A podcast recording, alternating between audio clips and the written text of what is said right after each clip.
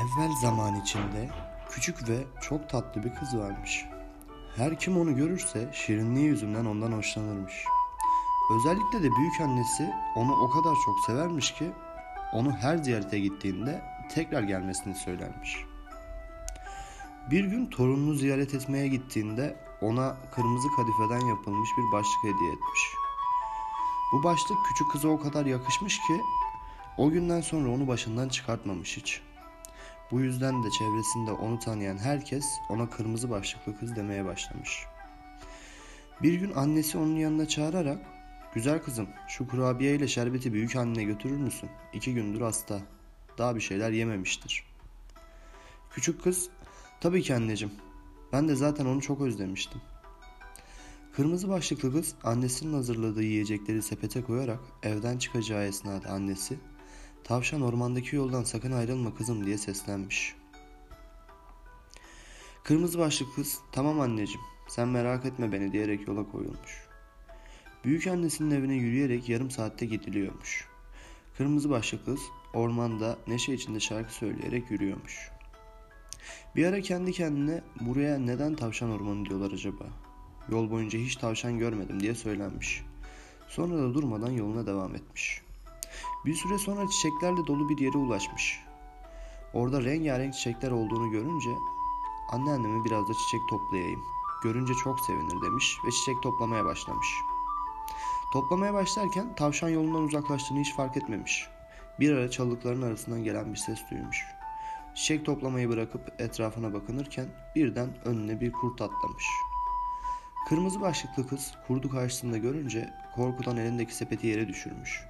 Kurt ise hemen sepetten dökülen kurabiyeleri toplayarak küçük kıza uzatmış. Küçük kız kurdun hiç beklenmedik davranışından dolayı çok şaşırmış. Çekingen bir tavırla teşekkür ederim demiş. Kurt tek başına böyle nereye gidiyorsun küçük kız diye sormuş. Kırmızı başlıklı kız annemin yanına gidiyorum. Tavşan yolunun sonundaki sarı renkte bir ev var. Onun evi orası. Birkaç gündür hastaymış. Ona yiyecek bir şeyler götürüyorum. Kurt bu kız tam da dişime göre. Kurnaz davranırsam ikisini de ele geçiririm diye aklından geçirmiş. Küçük kız sen rahat rahat çiçeklerini topla. Ben zaten o tarafa gidiyorum. Anneannene biraz gecikeceğinin haberini veririm demiş. O esnada silah sesini işiten kurt hızla kızın yanından uzaklaşmış. Kız biraz daha çiçek toplarken onun yanına gelen avcı Güzel kız tek başına buralarda ne arıyorsun? Buralar senin gibi küçük bir kız için tehlikeli olabilir. Gel seni gideceğin yere bırakayım demiş. Bu arada kurt hızlıca yaşlı kadının evine giderek kapısını çalmış. Yaşlı kadın kim o?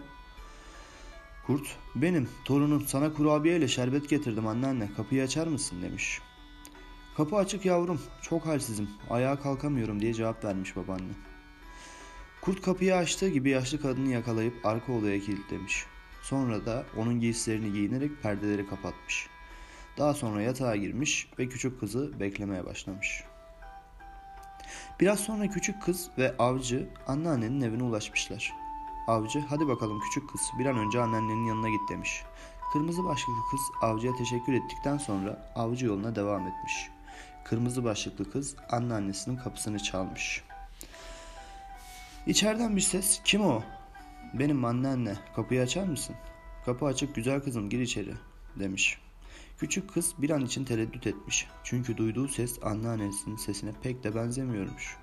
Sonra da anneannesinin hasta olduğu aklına gelmiş. Kendi kendine anneannem hasta olduğu için sesi böyle çıkıyor herhalde demiş. Kırmızı başlıklı kız kapıyı açmış ve içeri girmiş. Kurt anneannenin geceliğini giymiş, başlığını ve gözlüklerini takmış, yatakta yatıyormuş. İçerisi karanlık olsun ve küçük kız kendisini tanımasın diye de perdeleri çekmiş. Güzel kızım, buraya kadar yorulup bana yiyecek getirdiğin için teşekkür ederim. Yanıma gel de seni biraz seveyim. Yaklaş kızım, biraz daha yaklaş demiş.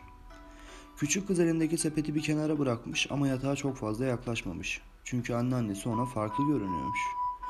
Anneanne, senin kolların neden bu kadar uzun diye sormuş. Seni daha içi iyi kucaklayabilmek için demiş anneanne. Kucak, kulakların neden bu kadar büyük peki? Seni daha iyi duyabilmek için demiş. Peki anneanne gözlerin neden bu kadar kocaman demiş kırmızı başlıklı kız. Seni daha iyi görebilmek için demiş kurt. Hım dişlerin neden bu kadar sivri peki anneanne diye sormuş. Kurt Seni daha iyi yiyebilmek için diyerek yataktan fırlamış ve kızın üstüne atlamış. İmdat diye bağırmış kırmızı başlıklı kız ve o anda yatakta yatanın anneannesi değil yolda karşılaştığı kurt olduğunu anlamış. Avcı kırmızı başlıklı kızın çığlığını duymuş ve hemen eve doğru koşmuş. Açık olan kapıdan içeri dalmış ve hemencecik kurdu yakalamış. Nihayet seni yakaladım pis kurt, işte elimdesin. Avcı anneanneyi de kurtarmış. Küçük kız bizi kurtardığın için teşekkür ederim avcı amca demiş. Bir şey değil ama bir daha sakın anneannenin sözünden dışarı çıkma küçük kız demiş avcı. Anneanne kırmızı başlıklı kızın getirdiği kurabiyeleri yemiş, şerbeti de içmiş. Sonra da şifavi bitkileri kaynatıp suyunu içmiş ve hemencecik iyileşmiş. Küçük kız anneannesine bir daha hiçbir kurdun sözüne kanmayacağına dair söz vermiş. Kırmızı başlıklı kız ormanda neşe içinde şarkılar söyleyerek yürüyormuş. Yolda tekrar kurda rastlamış. Avcının ormanı temizleme cezası verdiği kurt onu görünce yaptığından çok utanmış. Tavşan ormanı yine eskisi gibi tavşanlarla dolu, cıvıl cıvıl, neşeli bir orman olmuş.